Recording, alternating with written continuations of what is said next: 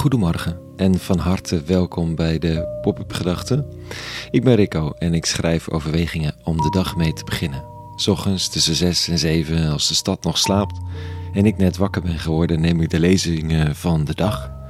Zoals die in kerken over heel de wereld worden gelezen. Op zoek naar iets nieuws, iets fris, iets voor de dag van vandaag, elke werkdag. En vandaag is het na een lange zomerpauze eindelijk weer begonnen.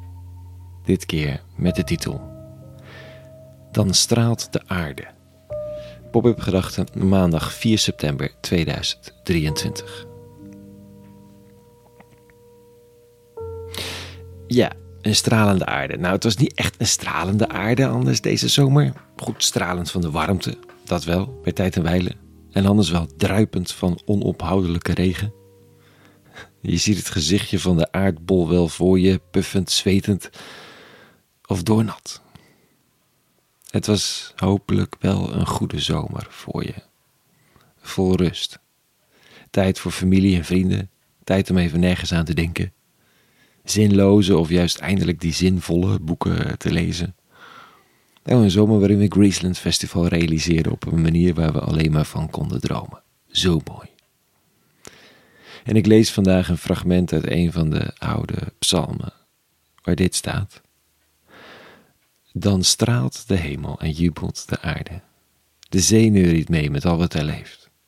De velden zwaaien met al hun gewassen, de woudreuzen buigen hun kruin. Zij juichen de eeuwige toe omdat hij komt. Hij komt als koning van de aarde. Een stralende hemel, een jubelende aarde, neuriende zee en alles wat erin leeft. De buigende woudreuzen. Het is een soort walhalla. De hemel, maar dan op aarde. Zo'n gouden zonsondergangsmoment als je weet dat je de volgende dag niks hoeft, dat gevoel. En toch, je kunt er ook niet echt omheen, hè.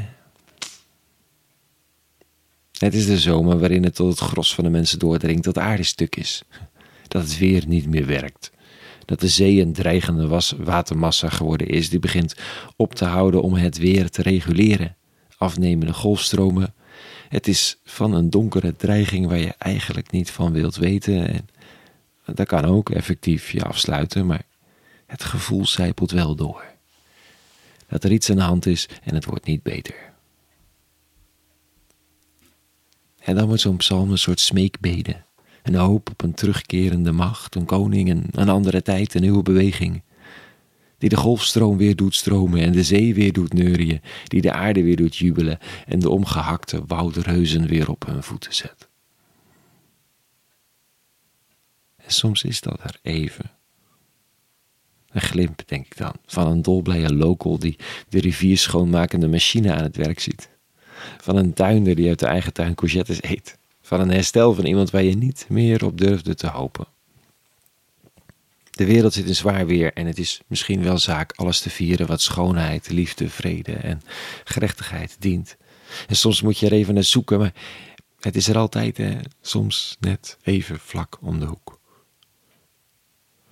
De koning van de aarde, zoals in dit lied het staat, komt in de christelijke traditie niet met een onmiddellijke ommekeer en een totaal verandering waar je bij staat en van onder de indruk bent.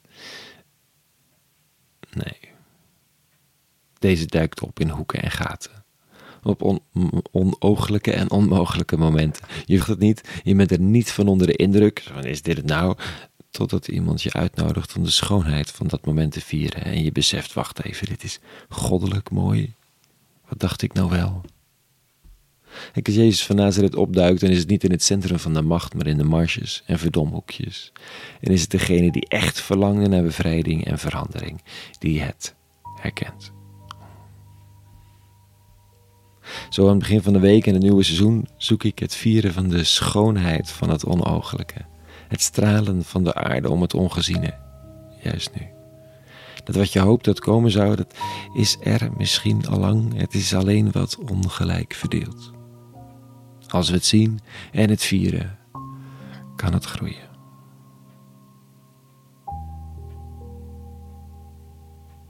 Tot zover vandaag. Een hele goede maandag gewenst. Morgen weer een nieuwe pop-up gedachte. En voor nu, vrede gewenst.